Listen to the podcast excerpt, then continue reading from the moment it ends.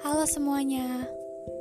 Ini pertama kalinya aku buat podcast dan di sini aku mau ngejelasin lebih tepatnya bercerita tentang proses menuju pendewasaan dan sederet masalah yang sedang kita alami.